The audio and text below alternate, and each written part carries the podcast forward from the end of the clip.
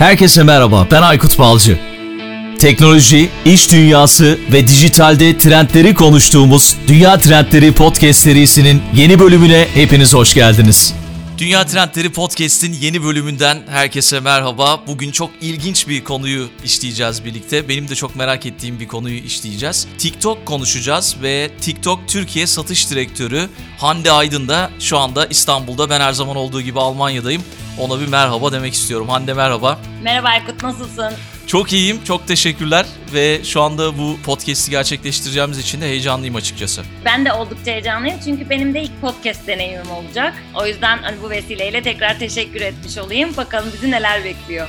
Ne güzel. Yani çok merak ettiğim konu var. Bir de çok fazla herkesin merak ettiği konu var. Bu gerçekten bu podcast bir arşiv niteliğinde olacak. Öyle tahmin ediyorum. Öyle bir enerji hissediyorum şu anda.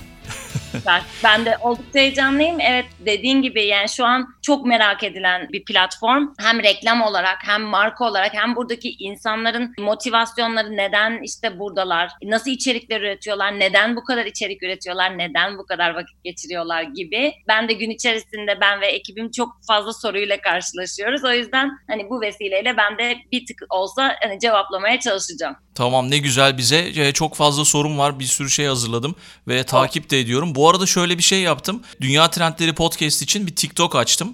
Ee, sanırım da bu bir ilk oldu Türkiye'de. Böyle bir gezdim, Süper. araştırdım. Bir podcast'in TikTok'u yok galiba şu an henüz.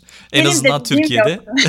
en azından Türkiye'de yok. Böyle bir şey yaptım. Bakalım nasıl bir geri dönüş olacak. Hatta şöyle bir şey düşündüm. Bu podcast'i yayınladıktan sonra ya da yayınladığımızla aynı anda kendi blogumda TikTok üzerinden nasıl podcast promote edilir şeklinde bir yazı da paylaşacağım. Böyle değişik bir şey de olabilir.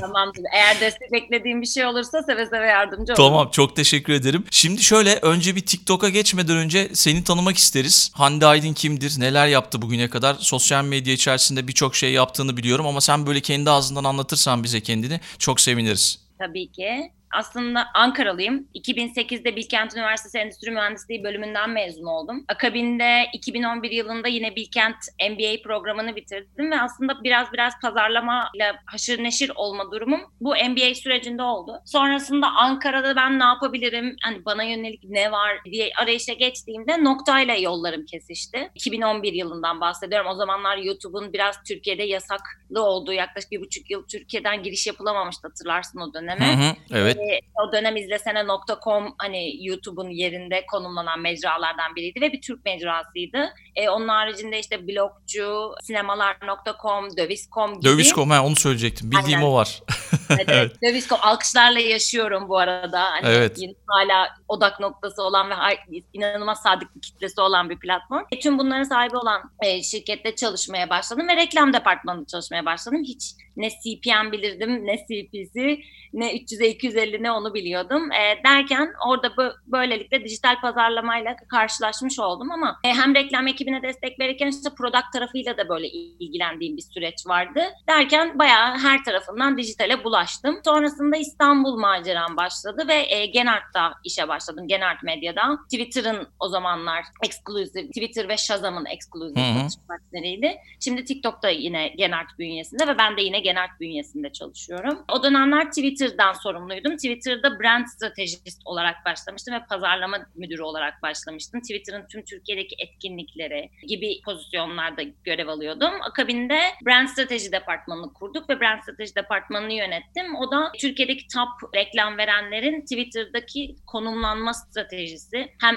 özel dönem kampanyaları hem Always On'da neler yapacakları gibi e, oldukça keyifli, e, çok fazla sektörü ve çok fazla markayı yakından tanıma fırsatı edindiğim bir pozisyonda çalıştım iki buçuk yıl. Akabinde Somera'ya geçtim. Somera'da Hı hı. bir sosyal medya monitoring şirketi. O zamanlar data driven e, marketing hayatımıza yeni yeni girmeye başlamıştı Türkiye özelinde. Ve beni çok heyecanlandırmıştı. Çünkü zaten sayısal bir background'dan geliyorum. Onunla o, o an yaptığım işi birleştirebiliyor olmak benim için çok heyecanlıydı. E, orada da Chief Strategy Officer olarak yaklaşık iki buçuk yıl çalıştım ve orada da 200'e yakın markayla çalışma deneyimim oldu. Bunun içerisinde yapı kimyasallarından işte AVM'ye, e, FMCG'den tekstile pek çok markanın hani daha içinde yer alarak hatta bazen bazen onların stratejileri içerisinde yer alarak veriyle bunu nasıl bağlayabiliriz? Buradan nasıl daha efektif sonuçlar çıkarabiliriz? Hem pazarlama hem de bazen üretim süreçlerine kadar varan noktalar vardı. Sonrasında her böyle arada beyaz yakalının yaptığı gibi küçük bir kaçamak yaptım ve bir buçuk aya yakın Londra'da yaşadım. Hı hı. Yoga eğitmeni oldum. E, böyle hayatı ben ona küçük bir es vermek diyorum. E, hayattan küçük bir böyle es aldım, bir mola aldım. Zaman zaman yapmak lazım sanırım. Evet, ya benim için çok faydalı oldu. Hani bu bambaşka bir günün konusu olur. Burada hani onun detayına girmeyelim ama benim için oldukça faydalı ve şu anda hala etkisini gördüğüm, faydasını gördüğüm bir süreçti.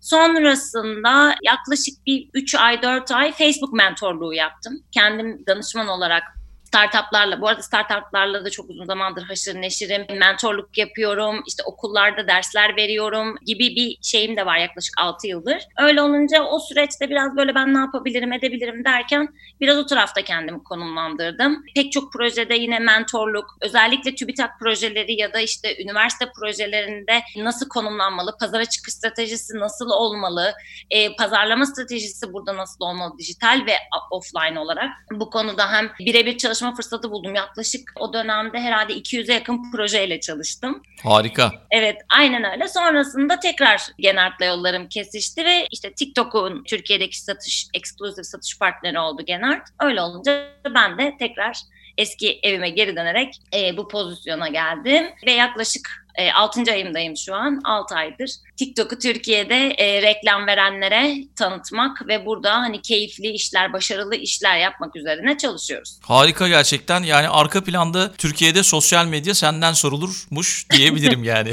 Çok teşekkür ederim. bütün bütün mecralarda çalışıp başarılı işlere imza atmışsın ve bugüne kadar seni duymamış olmak da herhalde benim bir ayıbım. Du- Evet. Duymamıştım. E, Daha doğrusu şöyle, onun çıkış noktasını da hatırlatayım, onları da anmış olayım. Pazarlama kurusu Twitter fenomeni o bir webinar gerçekleştirdi. TikTok üzerine konuştu pazarlama profesyonelleri. Ben de katılmıştım. Orada sen güzel bir sunum yaptın hepimize. TikTok'u çok iyi bir şekilde anlattın. Teşekkür ediyoruz. Orada seni tanıma şansım oldu. Ondan sonra mutlaka podcast'te de konuk etmem gerekiyor diye düşündüm ve bugün şu anda buradasın. TikTok'u konuşacağız. Peki şimdi böyle istatistiklerden çok bahsetmek istemiyorum ama 1 milyar kullanıcıya sadece 3 yıl içinde ulaşmış, ulaşmayı başarmış. Daha güncel istatistikleri sen belki verirsin bize. 2020'nin ilk 3 ayında 315 milyon kez indirilmiş ve TikTok Türkiye'nin de 40 milyona yakın aktif kullanıcısı var. Buna rağmen hala özellikle LinkedIn'de alternatif sosyal medya gibi bir tabir kullanılıyor TikTok için. Birincisi buna katılıyor musun? İkincisi TikTok sence nasıl bir mecra? Öncelikle bir düzeltme yapacağım. Tamam. Ee, şöyle ki yak, ne zaman yaklaşık iki hafta önce 2 milyar download rakamını geçti dünyada. Harika.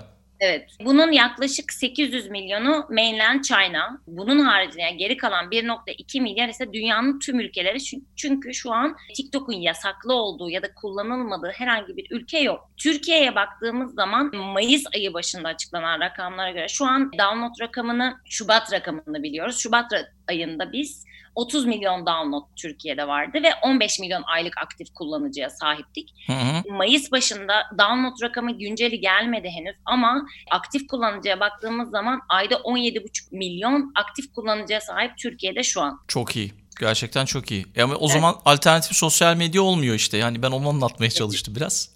Aynen öyle. Yani- Şöyle ki bu şeylerle tabii ki de çok karşılaşıyoruz. Ama ben şöyle söyleyebilirim. TikTok başka bir mecra ve ben birazcık bunu şey gibi düşünüyorum. E, bilinmeyen şey her zaman biraz korkutucu gelir. İnsanların bu ön yargılarından dolayı, bu bilinmezlikten dolayı dışarıda sadece gördükleri, okuduklarından itibar, sadece bundan ibaret zannettikleri bir yer olduğunu düşünüyorum. Ve bu biraz illüzyon. Hı hı. E, bu nedenle ya şu- öncesinde böyle tepkileri olup sonrasında hani bizimle birlikte çalışmaya başladığı süreçte indirip şimdi ya iyi ki hani o se- senin söylediğin hesapları takip etmişim ya da iyi ki açmışım hani gibi o kadar çok geri bildirimle karşılaşıyoruz ki biz. Bu tamamıyla dediğim gibi yani başta çıkan bazı haberler ya da Türkiye'deki belki daha farklı konumlanmasının akabinde yaratılmış olan bir dediğim gibi ön yargı. Bu ön yargının yıkılması için de tek gereken şey platformu indirip kullanmaya başlamak. Kullanmaya başlamak doğru. Yani şöyle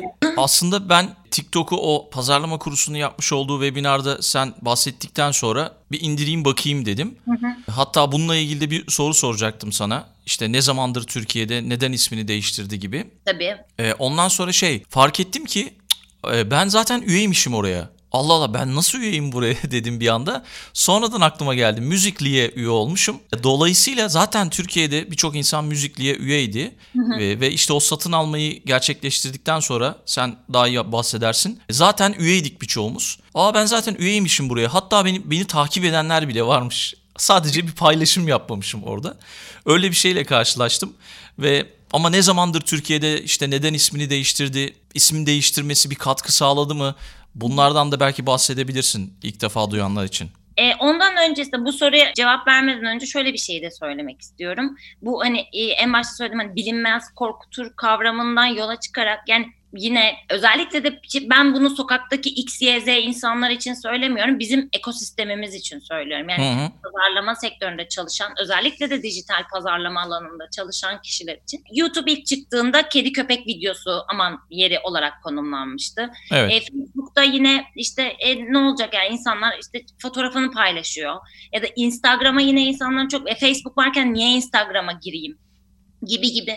Herkesin belli platformlar için böyle ön yargıları oluyor en başta. Sonrasında bu ön yargılar. Neden? Çünkü insanlar kedi köpek videosundan başka yani daha çok insan geldikçe yeni içerik türleri gelmeye başladı. Yeni içerik türleri geldikçe bu sefer daha farklı bir komünite içeriğe gelmeye başladı gibi bu aslında böyle bir zincirden ibaret ve böyle böyle kar topu gibi büyüyor Hı hı. diye düşünüyorum. Ben yine aynı şekilde yani burada sadece gençler var ya da burada sadece yani dünyada 2 milyar insan sadece dans ediyor olamaz. Ne Tabii. olabilir bu arada hani o da olabilir ama bu e, bu değil ya da işte sadece çocuk yeri gibi şeyler var ki o gün hani rakamları da paylaşmıştım sizinle demografik anlamda. Evet aynen. söylemek isterim. Türkiye'deki kullanıcıların yaklaşık yüzde 42'si 18-24 yaş aralığında. Hı hı. Yani bu her zaman şey gibi de sorgulanabiliyor. O yüzden onu da sesli söylemek isterim. Birincisi bunlar çocuk değil. İkincisi bunlar o yaşta çocukları olabilecek insan, ebeveyn yaşı da değil. O yüzden Doğru. daha çok gençlerin olduğu bir yer. Ve baktığımız zaman dünyada şu an en büyük tüketici grubu bu yaş grubundan oluşuyor. Yani 18-24 yaş arası şu an en çok aslında tüketim yapan. Çünkü bu insanlar artık evden çıkmışlar. İşte ya üniversitedeler ya çalışıyorlar kendi paralarını kazanan ya da işte bir şekilde harçlık alan, kendi kredi kartı olan ve kendi kararını veren. Yani ben şunu giymek istiyorum, şunu almak istiyorum, bunu yemek istiyorum, burada yemek istiyorum gibi gibi pek çok kararı veren bir komünite. Ve dediğim gibi dünyadaki en büyük tüketici grubu. Tüm dünyaya baktığımızda bu arada ülke bazında demografi, kadın erkek, yaş dağılımları değişkenlik gösteriyor ama tabii ki de gençler yani Z jenerasyonu platformun en büyük, en kemik kitlesini oluşturuyor. Hı hı. Ee, senin sormuş olduğun soruya direkt buradan geçiş yapayım.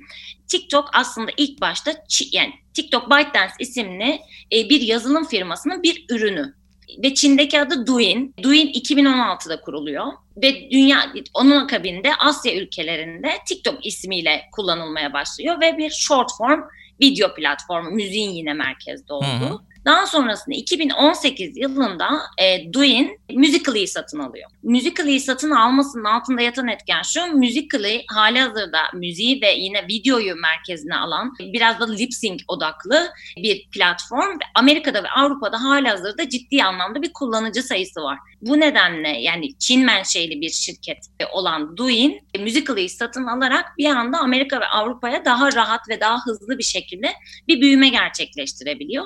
Ve bu 2018'deki birleşmeden sonra tüm dünyada TikTok ismiyle kullanılmaya başlıyor. Bu arada hala Çin'de Douyin ismiyle kullanılıyor. Hı hı. Türkiye'ye baktığımız zaman Türkiye'de bir ByteDance ofisi var bizim haricimizde. Bu ByteDance ofisinde farklı ekipler çalışıyor. İşte live'la ilgili, ondan sonrasında işte content'le ilgili, moderasyonla ilgili gibi gibi farklı departmanlar var. Reklam satış operasyonlarını sadece genel olarak biz yürütüyoruz. ByteDance ofisi 2019 yılında açıldı Türkiye'ye. Tabii ki de bu ofisin açılması ve buraya yatırım yapılmasıyla beraber şöyle bir şey söyleyebilirim. Geçtiğimiz sene Mayıs ayında Türkiye'deki günlük aktif kullanıcı sayısı 900 bindi. Şu an e, Mayıs ayında günlük aktif kullanıcı sayısı 9 milyon. İnanılmaz. Evet. Yani- e, inanılmaz bir eksponansiyel büyüme var. Bu hem dünyada hem Türkiye'de bu şekilde. O yüzden ben hani alternatif medya şeyini artık bu noktadan sonra dünyadaki ve Türkiye'deki rakamlardan sonra çok da doğru bulmuyorum E, açıkçası. yok ben de doğru bulmuyorum. Sadece buna bir açıklık getirelim diye hani böyle bunu söyleyenlere bir, bir, e, açıklık getirelim diye söyledim. Çünkü birkaç yerde gördüm. Özellikle de hani bunu bilmiyorum sen dikkat ettin mi? Şu beyaz yakalı dediğimiz kitle onlar şu anda inanılmaz bir ön yargıyla bakıyorlar. LinkedIn'de mutlaka sen de denk gelmişsindir. Yani birkaç tane hatta daha fazla böyle TikTok'u denemeden, deneyimlemeden orada onunla ilgili yorum yapanlara denk geldim. İşte bu ön yargıları biraz da ortadan kaldırmak için böyle bir yayın yapmak gereği hissettim açıkçası. Çünkü ben de deneyimledikten sonra onları anlatacağım birazdan. Çok keyif aldım. Çok da sevdim açıkçası. Süper. Süper. Peki. Çok güzel. Sosyal medya platformları içerisinde TikTok acayip bir yükseliş içerisinde. İşte Zoom'la birlikte son dönemde özellikle bu Covid dönemiyle birlikte en çok çıkış yakalayan iki şey oldu. Şirket oldu. Kullanıcı profilinden az çok bahsettin. 18-24 dedin ama ondan biraz daha bahsedebilir misin? Son dönemde yine bu Covid döneminde yine gençler mi indirmiş Türkiye'den en azından? Bununla ilgili bu ara çok fazla yayın paylaşılmaya başladı. Türkiye özelinde şu an bize Haziran ayında gelecek en kapsamlı ve en güncel demografiler. O yüzden Türkiye özelinde bir şey söylemek çok doğru değil ama ben de kendim bir kullanıcı olarak ve günde oldukça fazla süresini e, TikTok'ta geçiren birisi olarak gelen kullanıcıların çoğunun 18-35 yaş arasında olduğunu ben gözlemliyorum. Hı hı. Ve yurt dışındaki yayınlar da bu şekilde. Hatta e, ben de yeni LinkedIn'de bir yazıyı tekrar paylaştım. Hı, gördüm onu. Evet. Evet, Edwig'in e, bir yazısı Cuma günü paylaşılmış olan TikTok büyüdükçe kullanıcının yaşı da büyüyor e, manşeti hatta. Gelen kullanıcı bu nedenle yani bu biraz önce bahsettiğim şey gibi yani içeriye yeni insanlar geliyor. Yeni insanlar geldikçe yeni türlerde content üretilmeye başlıyor. Yeni contentler üretildikçe daha farklı insan grupları gelmeye başlıyor gibi gibi gibi. E, bu süreçte tabii Türkiye'de ve dünyada çok fazla ünlü platformu kullanmaya başladı ve onların videoları tabii ki diğer sosyal medya platformlarına düşüyor ve biliyorsun ki TikTok'un bir e, videosu direkt altında TikTok watermarkıyla paylaşılıyor. Evet. Bu nedenle de onun bir TikTok videosu olduğu anlaşılıyor. Onların görülmesi ve orada aa ne oluyor burada böyle bir şey varmış gibi belki hiç duymayan ya da duyduysa da çok odağında olmayan insanlar da gelmeye başladı. O yüzden içeride olan kitleden kesinlikle daha farklı bir kitlenin geldiğini biliyoruz. Yani şöyle işte dediğin gibi Twitter'da o TikTok logolu videoları çok fazla görüyoruz. İşte Instagram'da özellikle neredeyse e, kendi hesaplarında kendi videolarını paylaşmayıp Instagram videolarını paylaşanları görüyoruz. Şöyle bir hesaplara baktım, kontrol ettim. TikTok'ta işte fenomen ne diyelim influencer diyelim. TikTok'ta influencer olanların inanılmaz bir hedef kitlesi var. Etkileşim de çok fazla yüksek. Farklı mecralara da yönlendiriyorlar kendilerini. Orada azlar. Ama tam tersine Instagram'da ve YouTube'da fazla olanlar da TikTok'ta daha azlar. Şimdi orada birazcık şöyle bir şey var. Aykut TikTok'un kamerasının özellikleriyle de alakası var. Çünkü platformun yani create ekranı diyoruz biz ona ve bu arada içeride content üreticilerine de creator adı veriliyor. Hı hı. Yani bayağı masa üstünde yapabileceğin tarzda montajlar yapabiliyorsun ya da daha zaten çekmeye başladığında işte durdur, başlat, hızlandır, yavaşlat gibi farklı fonksiyonları var. E şimdi herkesin biraz daha standartlaşmaya başladığı ya da belki herkesin e, hep gözümüzün aşina olduğu şeylerin dışına çıkmaya çalıştığı bir zamanda da yaşıyoruz. Çünkü herkes gününün çok ciddi bir kısmını sosyal medyada geçiriyor.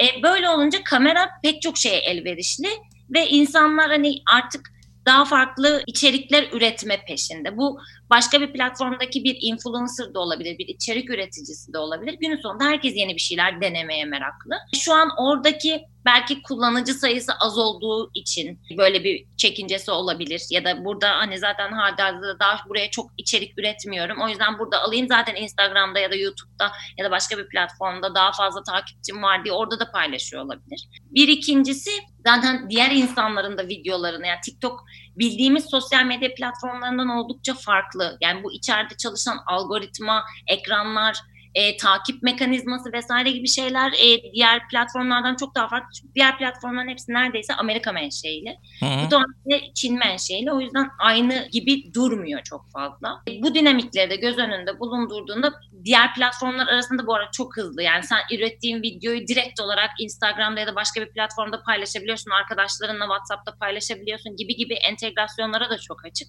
Bu nedenle Burada ya, şunu yani şunu evet. gözlemledim. TikTok'un dinamiği biraz daha farklı. Çok. Eğer Instagram'da, Twitter'da veya Facebook'ta bir şeyler yapıp onu TikTok'ta paylaşıyorsanız o olmaz. Yani olmaz. TikTok'ta oraya özgü bir şeyler yapmanız gerekiyor. Onu anlatmaya çalıştım. Kesinlikle ben onu yanlış anlamışım. Şimdi yok yok hayır hayır aynı şeyi konuştuk ama şey buradan şeye gelecektim. Hani markalar nasıl bir strateji belirlemesi gerekiyor? İşte Instagram'da yaptığını TikTok'a koyarsa ben kendi gözlemlediğimi söylüyorum. O pek iş yapmayacak gibime geliyor. Yani TikTok'un dinamiğine uygun bir şeyler yapılırsa eğer oradan çok fazla etkileşim alınır diye gibi, gibime geliyor. Şimdi önce bir TikTok'un dinamiğine bir birazcık istersen onunla konuşmaya olur, başlayalım. Olur, olur. Aslında şöyle 5 ila 60 saniye arasında videolar koyabiliyorsunuz. Fakat bu premium hesapta olsa, creator'da olsa ya da herhangi bir biz fanilerin hesabı da olsa e, içeride çok hızlı bir dinamik var. Yani challenge'lar var. Bu challenge'lar ByteDance ofisleri tarafından belirleniyor. Ya Türkiye'deki ya globaldeki. 6 günde bir bu akımlar yenileniyor ve sürekli değişiyor. Bu nedenle insanların yani izleyicilerin üretme kısmını şimdilik bir kenara koyuyorum. Tüketen içerik tüketen kişilerin gördüğü şeyler sürekli değişiyor. Yani bir anda işte farklı bir dansla giriş yapılırken bir anda kıyafet değiştiren insanlar bir anda görmeye başlıyoruz. Akabinde öncesinde çirkin sonrasında güzel ya da işte kendi shop challenge'ı vardı mesela. Kendi shop şarkısıyla insanlar işte bir anda bir filtreyi kullanıyorlar ve kaldırıyorlar bambaşka birine dönüşüyorlar. Hı zaten yine içerik üretiminde oldukça etkili. İşte bir anda bir hareket yapıyorsun, fotoğrafını çekiyorsun. O fotoğrafının önünde farklı bir koreografi yapıyorsun gibi gibi içerisi içerik üretmek isteyen insanlara böyle bayağı asetlerin sunulduğu bir yer. Bu kadar dinamik ve videoların biz dediğim gibi çok daha kısa süreli yani 10 saniye, 12 saniye, 15 saniye gibi videolar genellikle platformda izleniyor ya da yani bütün video süreleri neredeyse bu şekilde.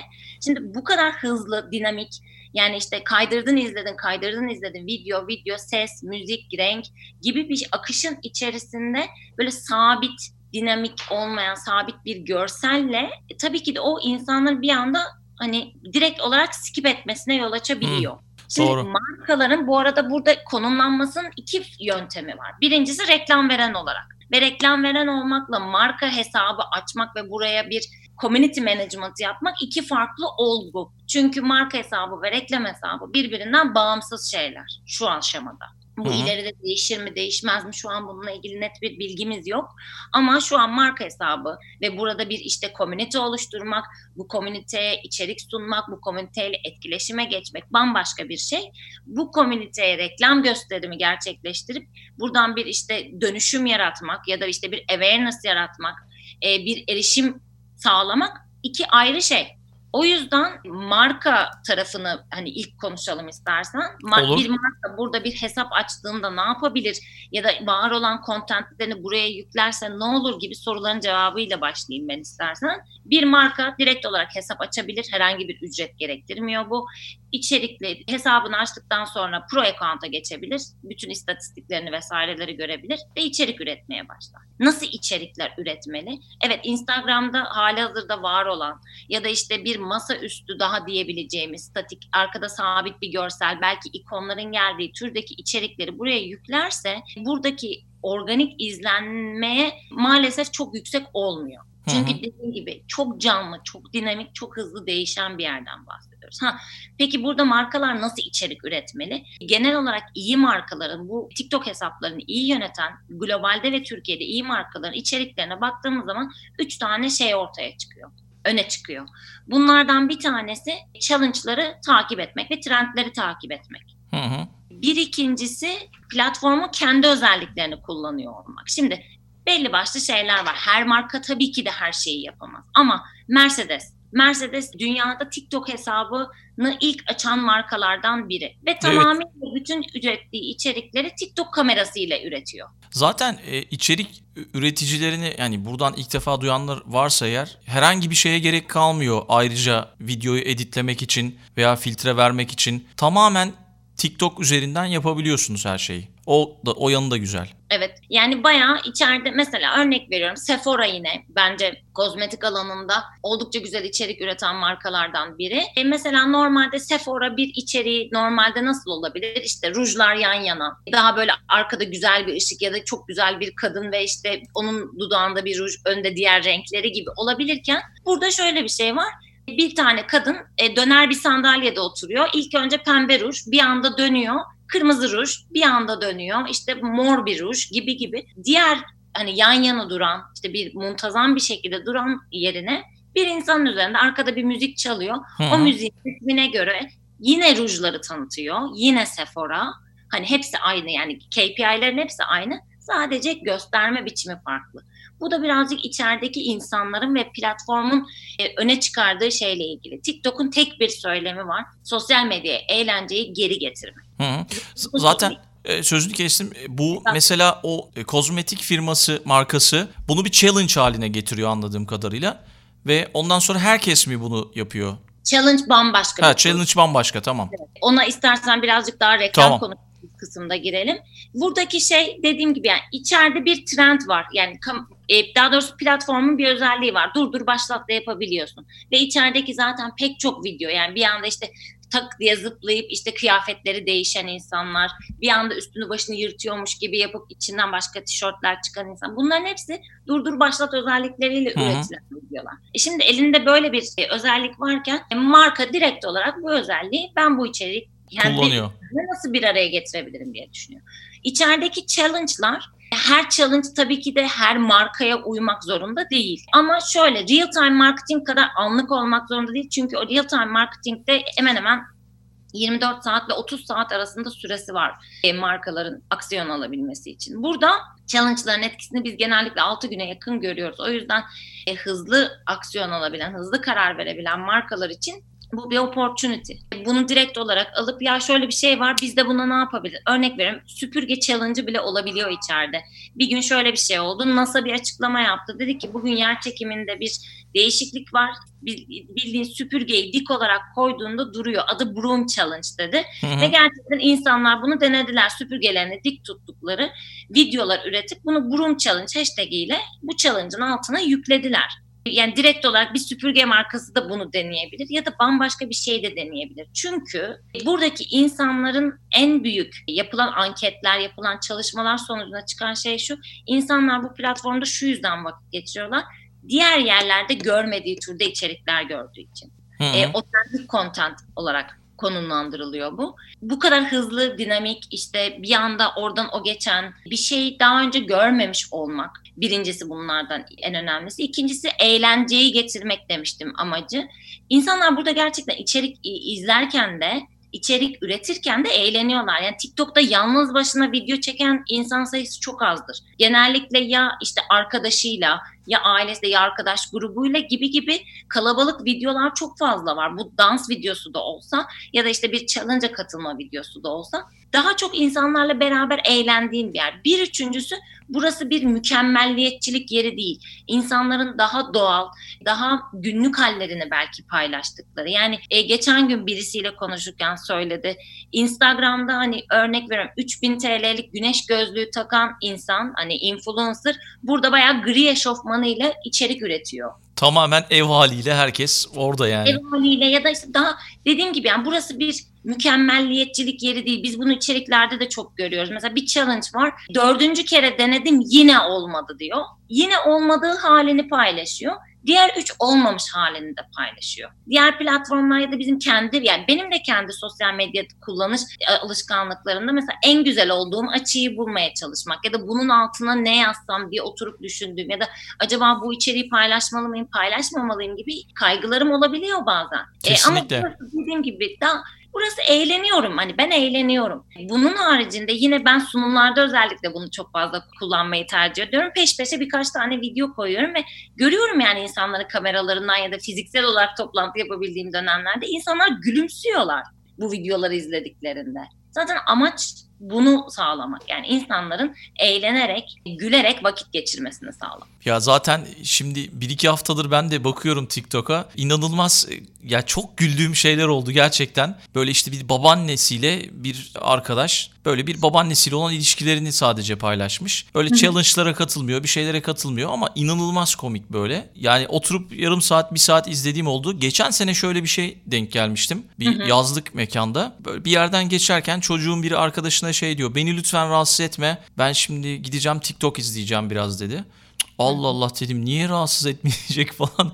O zaman tabii anlayamamıştım. Şimdi daha iyi anladım mecrayı kullandıktan sonra.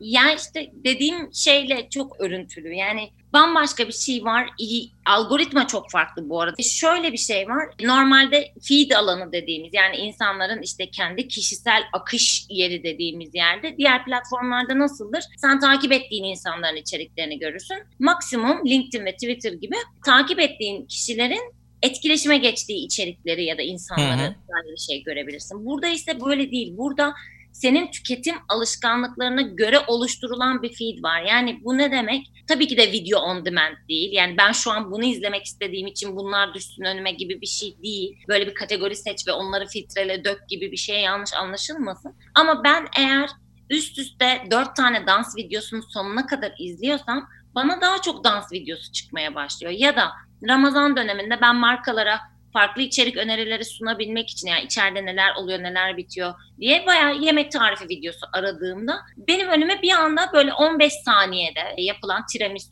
işte kurabiye, granola, börek gibi videolar daha sık düşmeye başlıyor. Yani benim tüketim alışkanlıklarım aslında benim karşıma çıkan içeriklerin neler olacağını gösteriyor. Tabii ki takip ettiğim insanların önemi var. Takip ettiğim takip ettiğime benzer içerikler çünkü bana geliyor. Yani şöyle bir şey açıklıkla söyleyebilirim. Diyelim ki senle biz aynı kişileri takip ediyoruz. Hı hı farklı e, örnek veriyorum. Sen yemek videosu çıktığında bir anda geçtin. E, ama işte örnek veriyorum e, bu relaxing videolar var. İşte sünger kesme videoları gibi videolar. Bunları da daha çok vakit geçirdiysen yani sonuna kadar izlediysen gördüğünde atmadıysan ya da orada bir etkileşime geçtiysen beğendiysen gibi aksiyonlar aldıkça senin karşına daha çok öyle şeyler çıkarken benim karşıma daha farklı içerikler çıkmaya başlıyor. Ve bir anda ikimiz de aynı hesapları takip ederken bambaşka bir feed akışı görmeye başlıyoruz. O yüzden mesela bazen bana şey diyorlar. Ya ben, ben hep Survivor videosu düşüyor bana diyorlar. Ben diyorum ben hayatımda daha hiç TikTok'ta Survivor videosu görmedim. Vallahi ben de hiç görmedim. mesela ya bu o kadar çok şu trendi biliyor musun ya da şu akımı gördün mü diye mesela bana soru geliyor. Diyorum ki ben hiç görmedim o akımı. Ben de diyorum şunu bu ara bana şu bu çok çıkıyor. Benim konuştuğum kişi de onu görmemiş. Yani e, çok gerçekten böyle lebi derya, deniz derya bir yer. E, çok farklı içerikler var. Çok fazla içerik var. E, tüm dünya kullanıyor. Bu arada içerik üretme oranı bayağı yüksek. Yani kullanıcıların %30, %35'ine yakını içerik üretiyor. Hı hı. Ve o çok şey, iyi işte. İçerik üretmek gibi değil. Bayağı yani haftada içerik üretenler var. Haftada belirli sayıda içerik üreten insanlar var. Çok ciddi emek verenler. Yani şey mesela bir benim hiç unutamadığım videolardan biri böyle bir işte 18-20 yaşlarında bir erkek takla atıyor. Takla atarken 26 kere tişört değiştiriyor. Of of of. Durdur başlat başka tişört, durdur başlat başka tişört ama tabii ki de döndükçe yani takla attıkça açısı da değişiyor. Ve o açıyı tutturma yani kim bilir ne kadar sürdü o. Uğraştılar evet. Ama yani gördüğün an şey diyorsun hani hayatımda hiç böyle bir şey görmemişim bu ben bu tabiri çok sevdiğim için hani genellikle kullanmayı seviyorum. New York Times muhabirlerinden 5 tanesi 48 saatini TikTok'ta geçirdi ve sonrasında geçirdiği o deneyimi Beautiful and Strange World of TikTok başlıklı bir makalede paylaştı. Hı hı. E, o yüzden ben çok seviyorum. Gerçekten Beautiful and evet bizim alıştığımız bir dünya değil. O yüzden biraz bizim için strange. E, ama Beautiful evet kendi içinde gerçekten çok beautiful. Yani şeyler yine çok fazla var. Love letter diyebileceğimiz yani TikTok'a teşekkür mektubu niyetinde böyle çok fazla video var. Normal hayatta belki çok fazla arkadaşı olmayan ama burada işte bir anda milyonlarca takipçisi olmuş ve işte hani ben normalde hiç arkadaşım yoktu ya da hiç daha öncesinde böyle bir şey yaşamamıştım. Ama şimdi işte milyonlarca insan beni takip ediyor, bir sürü arkadaşım oldu gibi böyle teşekkür mektubu niyetinde videolar çeken insanlar çok fazla. Çok çok farklı parametreleri Ya var. benim en çok etkilendiğim şey şu oldu. Özellikle ben yaklaşık 19-20 sene oldu yani müzik piyasasının içindeyim. Radyo programları yaptım ve işte bir şarkı hoşuma gitti. TikTok'ta duyduğum. İlk önce o bulduğum şarkının ismi orada yazmıyordu. Başka bir şey yazıyordu. Bir challenge'ın şarkısıydı işte bu gözlük challenge'ı. İşte dans ediyorsun güneş gözlüğün öne düşüyor falan o challenge'da. Sonra Ha. Hindistan o Pepsi'nin challenge'ı. Evet yani şey Shaggy'nin bir şarkısı Evet. Bana Banana diye bir şarkı. Sonra o tarz şarkıları da seviyorum böyle. Girdim şarkıyı buldum. Şarkı 2019 şarkısı. Hala işte bu challenge devam ediyor. Altındaki yorumlara baktım inanamadım yani. Herkes şey yazmış. TikTok'ta duyup geldiniz değil mi? Hadi bakalım kimler TikTok'ta duyup geldi falan. Yani şarkı 2019 şarkısı ama 2020'de hala böyle çok fazla izlenmiş. İşte şarkıyı yapan da böyle 3-4 tane remixini koymuş, farklı versiyonlarını koymuş YouTube kanalına. Dedim ki bu etkileşimi yapabiliyorsa bu mecra helal olsun yani. Ki sen Shazam'da da işler yaptığını söyledin girişte. Bunun nasıl bir şey olduğunu çok daha iyi bilirsin yani. Ya şöyle bir şey var. Bu Savage diye bir challenge vardı içeride. Savage diye bir şarkı var ve işte belli koreografileri var. Herkes bunun üzerine. işte Türkiye'de de yine çok fazla kişi katıldı. Tüm dünyada olan bir challenge'tı. Ve şimdi benim yan- yani yanlış biliyor olabilirim ama en son okuduğum o şekildeydi. Beyoncé şu an Savage şarkısına bir tekrar yorumlayarak bir böyle yeni bir şey single vesaire gibi bir şey çıkarıyor. Hı hı. Bunun haricinde Spotify'da listeler var. Best TikTok Song, işte March gibi. Mart ayının en popüler TikTok şarkıları. Ve bunların da milyonlarca dinlenmesi. Ya Her şeyi geçtim. E, çok özür dilerim.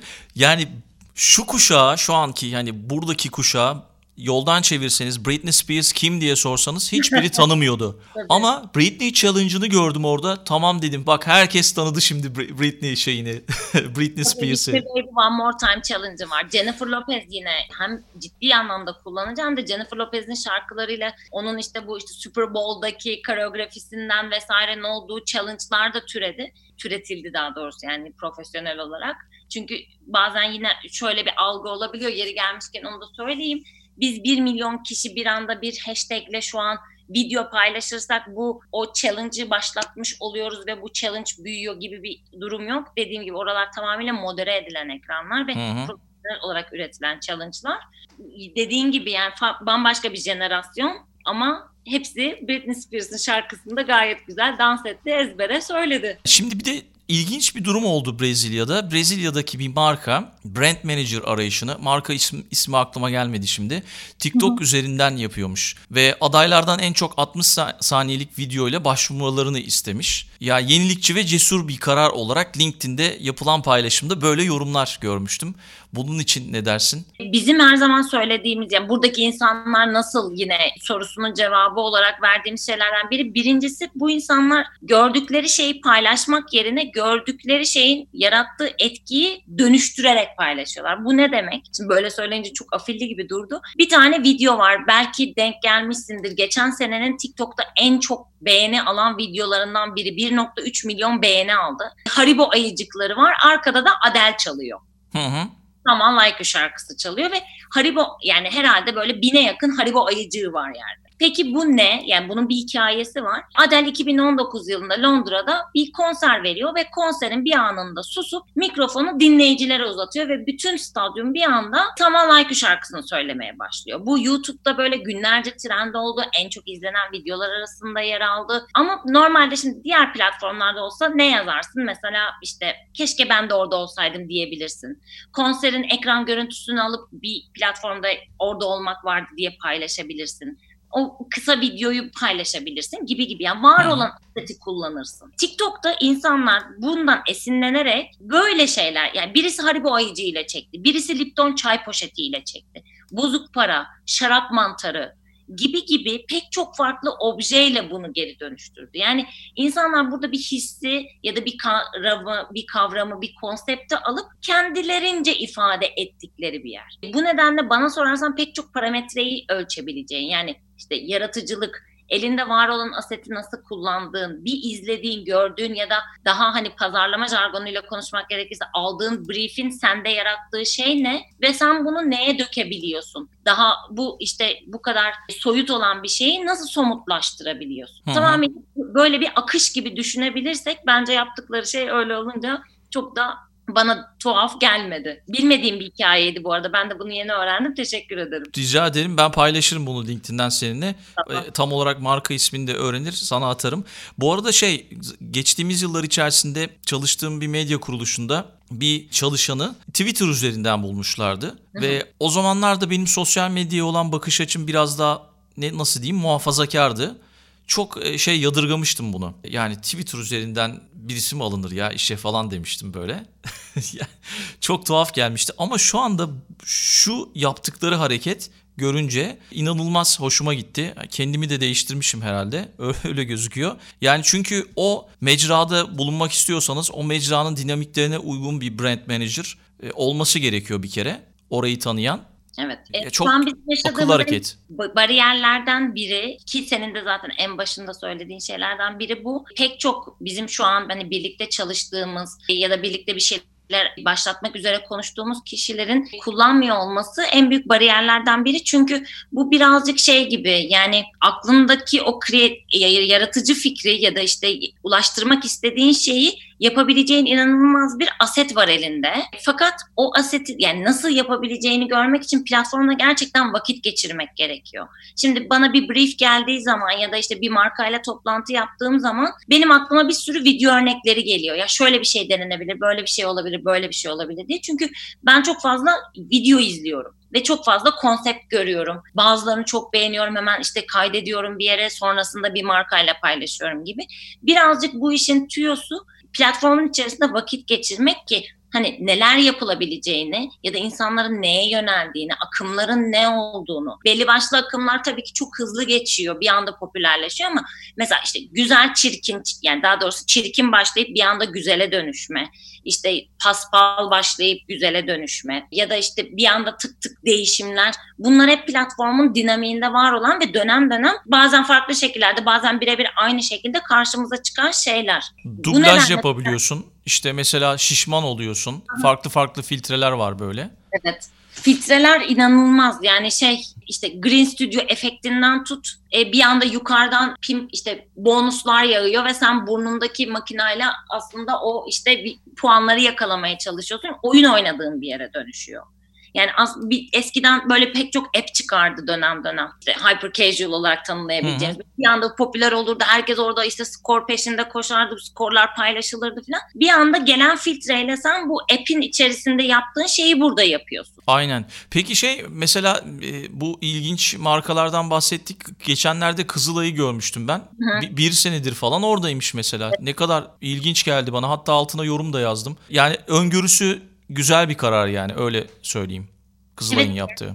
Şimdi bu- buradan aslında belki de yavaş yavaş şey konusuna da geçebiliriz. Şimdi burada çok büyük bir kitleden bahsediyoruz. Yani Türkiye'deki dijital ekosistem kullanıcı sayısına bakalım ve şu an hani geldiğimiz rakam 17,5 milyondan bahsediyor. Şimdi burada çok ciddi bir kitle var. Yani ve insanlar yani markalar günün sonunda neden pazarlama aktiviteleri yapıyor? Reklam da demiyorum. Pazarlama aktivitesi Hı hı. İnsanlara ulaşıp bu insanlara işte bazen ürününü tanıtmak, bazen kendi bilinirliğini hatırlatmak. Yani ben buradayım, bak ben böyle bir markaydım, ben buradayım. Bunu hatırlatmaya çalışmak. Bazen satışa dönüştürmek, bazen farklı bir şeye dönüştürmek, yarışma yapmak. Bir sürü aktivite yapılıyor. Bu aktivitelerin hepsinde günün sonunda bir sonucu var. Yani markanın varlığını bu insanlara tekrar hatırlatıyor. Bu insanlara erişiyor olması. Şimdi burada bu kadar büyük bir kitle varken bu kitleye arkanı dönmek ya da yokmuş gibi davranmaya çalışmak bilmiyorum benim kafamda çok oturmuyor. Tabii ki de bizim elimizde şu an şey verisi yok. Cross platform verisi yok. Yani Türkiye'deki TikTok kullanıcılarının ne kadarı Instagram'da da var, ne kadarı işte Twitter'da da var, ne kadarı örnek veriyorum Mynet okuyor, ne kadarı işte maç kolye giriyor. Böyle bir şeyi bilmiyoruz şu an. Ama günün sonunda cross platform artık hayatımızda çok yüksek olan ve çok sık karşılaştığımız bir şey. Şimdi tek başına baktığın zaman belki hiç diğer platformlarda vakit geçirmeyen ya da orada seninle karşılaşmayacak e, ama burada karşılaşabileceğin çok ciddi bir kullanıcı e, havuzu var diyeyim. Bir ikincisi de çok yeni bir mecra burası. Baktığın zaman evet bir anda sanki böyle çok uzun zamandır hayatımızdaymış gibi duruyor ama platform olarak neredeyse Türkiye'deki hadi bilinirliğine baktığımız zaman bir buçuk iki yıl reklam mecrası olarak da baktığımızda hemen hemen böyle 8-9 aylık bir geçmişi var. Hı hı. E, bu nedenle burada böyle 3-4 videoda bir reklam çıksın, işte her yerden bir şeyler çıksın gibi bir dünya da yok. Burada çok daha yalın bir dünya var.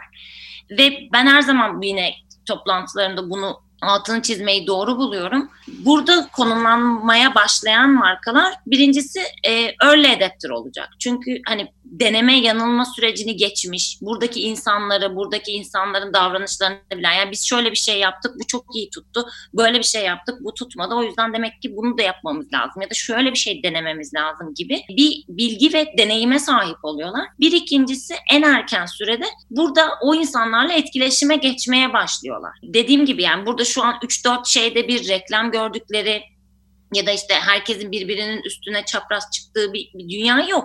Aynen. Ee, yani şey çok fazla kullanıcı sayısı olan da gördüm. Dediğin gibi o işte yani tanınmamış çok fazla kullanıcı sayısı olan sadece TikTok'ta tanınan influencerlar gördüm ama mecraya yeni girip e, yavaş yavaş kullanıcı sayısını arttıranlar da gördüm. Hı hı. En azından takip ettiğim kadarıyla ilk olmak böyle hani e, bi- birazcık iyi olacak sanırım mecrada. Yani şu an bu arada bizim ciddi anlamda ciddi sayıda hani reklam verenimiz var. Hem Türkiye içine hem Türkiye'den yurt dışına reklam yapan. Reklam hesapları birazcık daha dark post gibi. Bu nedenle yayın başlıyor, bitiyor ve o içerik yok oluyor. Ama marka sayfası olarak burada community management yapan marka sayısı şu an Türkiye'ye baktığımızda çok yüksek değil. O yüzden sanki hiç marka yokmuş ya da burada hani şey yokmuş gibi davranılabiliyor bazen. Bu çok doğru değil. Dediğim gibi iki hesap ayrı, iki olgu ayrı, iki iletişim yöntemi de farklı şeye hizmet ediyor günün sonunda. Kızılay bu anlamda evet senin de dediğin gibi e, early adapter'lardan biri. Bu nedenle onlar da kendileri hatta projeden sorumlu kişi LinkedIn'de bir şey, e, paylaşım yapmıştı. Biz zaten çok önceden beri buradayız.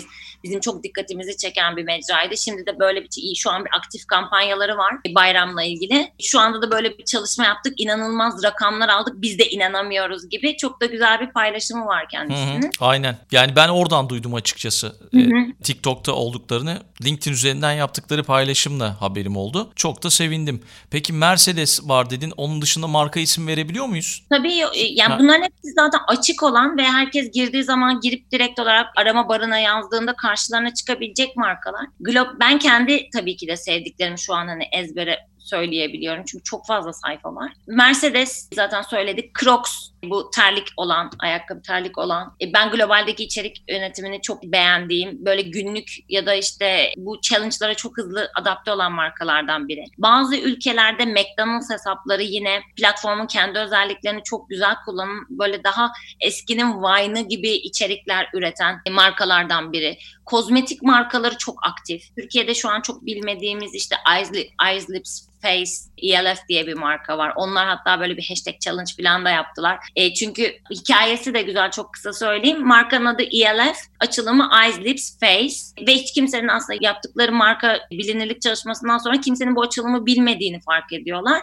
Bu nedenle Eyes Lips Face isimli bir şarkıda böyle bir hashtag challenge başlatıyorlar. Harika. Aynen öyle. Yani bilinirliğe hem çok büyük katkı hem de bayağı eğlenceli işte insanlar bir anda göz makyajı yaparken eyes dediğinde gözlerini pörtletiyor. Ki yine o hani güzellik bildiğimiz güzellik algısına vurgu ve TikTok'un o kendi dinamiğini göstermek açısından önemli. Normalde makyaj dediğin şey böyle inanılmaz kusursuz vesaire. Hani burada insanlar yine aynı şekilde gözüne eyeliner çekiyor ama daha komik bir şekilde ve bizim daha önce izlemediğimiz bir şekilde çekiyorlar Hı hı. ve paylaşıyorlar. Bayağı bir o etkileşimi almış sanırım. 2,5 Evet. milyar görüntüleme elde etmiş. Öyle bir araştırma yapmıştım ilk Evet. videosu. 2 haftada hatta. Aynen. Bizim bu arada şu anda bir challenge'ımız var. Beşinci günündeyiz Türkiye'de. İpana'nın bir Hı, hashtag onu challenge. gördüm.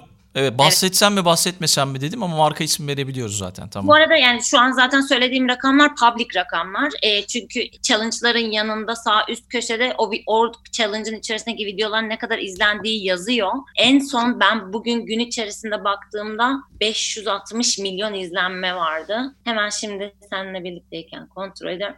632.4 milyon izlenme 5 günde. İnanılmaz ya gerçekten.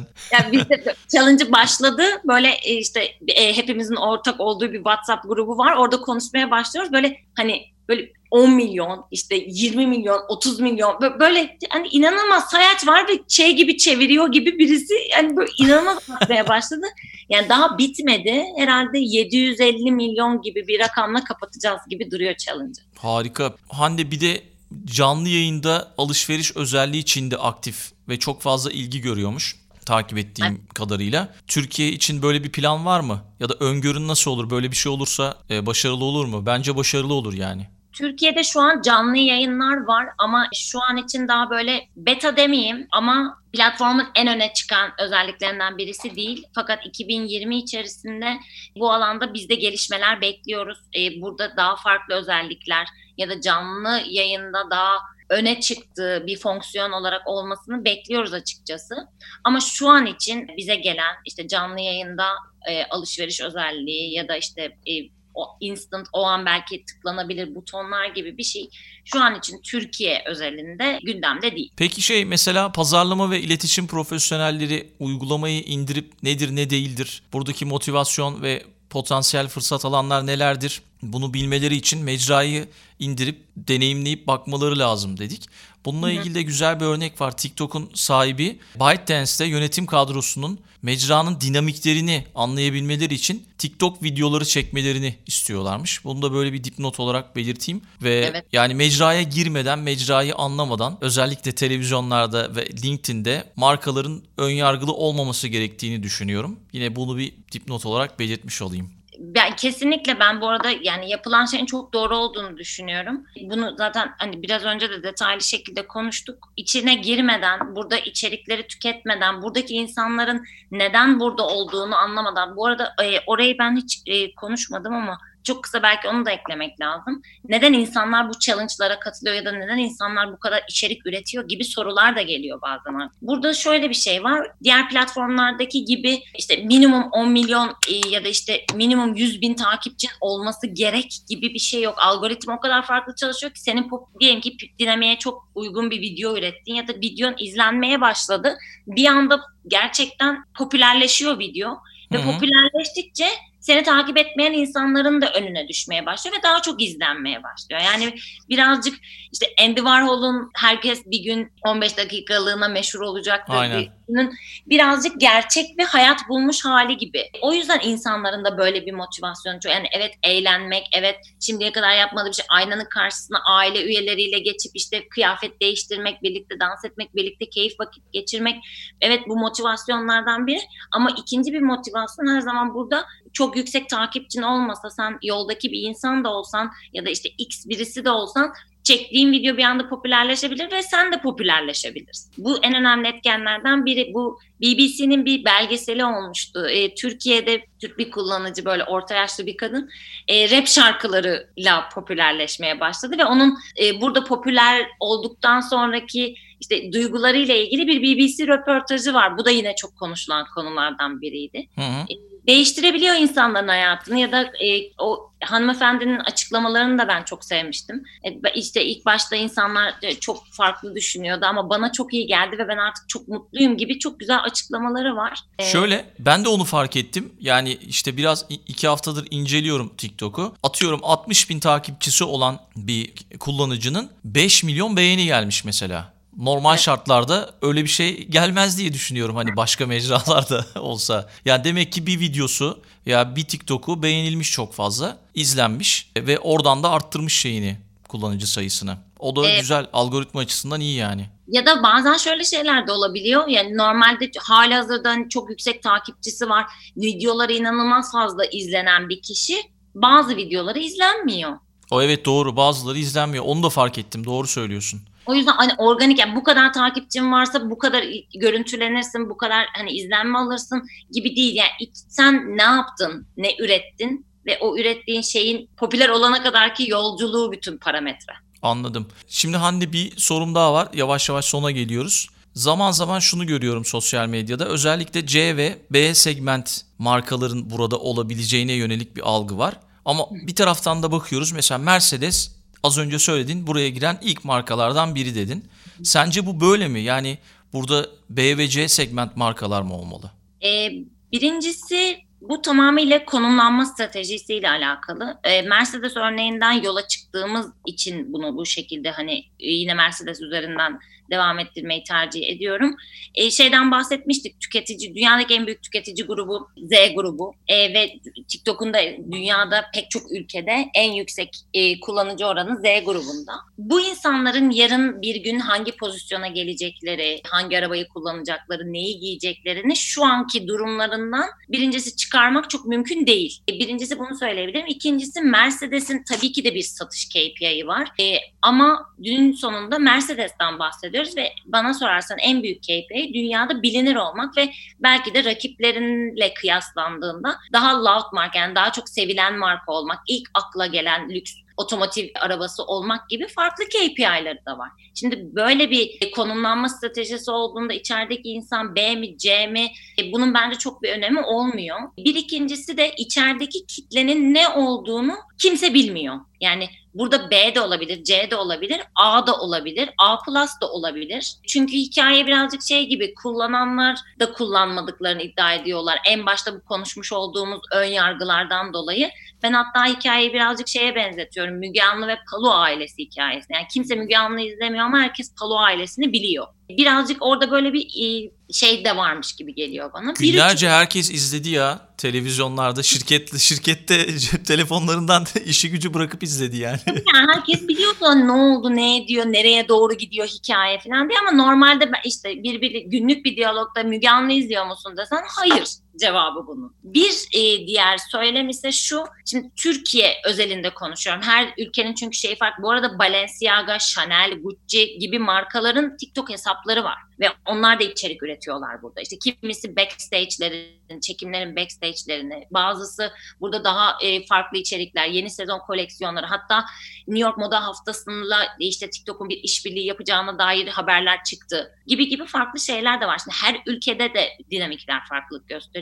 Türkiye özeline dönecek olursak, geçen gün ben bir hesap görmüştüm Twitter'da. İşte İstanbul 100 kişi olsa e, buradaki insanların hani dağılımı işte cinsiyet, yaş vesaire gibi dağılımı aynı zamanda hane halkı geliri araç dağılımı da yapılmış. İstanbul 100 kişi olsaydı sadece 4 kişinin yanlış hatırlamıyorsam geliri 10 bin TL'nin üzerinde. Hmm. E, geri kalan hani şey gittikçe daha düşerek devam ediyor. Şimdi Türkiye'ye baktığımız zaman Türkiye'de A plus dediğimiz ya da A dediğimiz e, oran zaten çok düşük. Bir ikincisi bu da yine çok tartışılan konulardan biri. A grubu dediğimiz yani ses grubunda A olan işte e, gelir düzeyi çok yüksek olan kişiler alışverişlerini kendi mi yapıyor? Yani ya işte yardımcısı olabilir, e, ya asistanı olabilir vesaire. Yani gidip kendimi mağazadan alıyor ya da işte herhangi bir süpermarkete gidip e, alışveriş sepeti gezdirip e, o mu alıyor? Mesela bunu bilmiyoruz. O yüzden ona mı ulaşmak lazım yoksa onun bu tür işlerini e, delege ettiği kişilere mi ulaşmak lazım? Bir. İkincisi yani dediğim gibi Türkiye'de yaşıyoruz ve Türkiye demografisine baktığımız zaman C1, C2 tüketici grubunun hemen hemen yüzde ellisini oluşturuyor. Bir ikincisi her markanın bu istisnasız her markanın global olan işte Dior vesaire gibi markalardan bahsetmiyorum indirim dönemi var ya da işte kampanya dönemi var e, ya da işte yeni ürün lansmanı var. Ona kalırsa şöyle de bir şey var. B sosyoekonomik seviyesi yüksek kişilerin mesela daha farklı tüketim alışkanlıkları var işte rafine şeker tüketmemek, işte daha sağlıklı beslenmek gibi olabilir. Şimdi öyle olunca çikolata dediğin şeyi belki bu insanlar yemiyor ama Anadolu'da hala çikolata almak e işte çocuğuna ya da eve gelen bir kişiye çikolata tutmak bir jest ve bir hani böyle incelik olarak düşünülüyor. Hmm.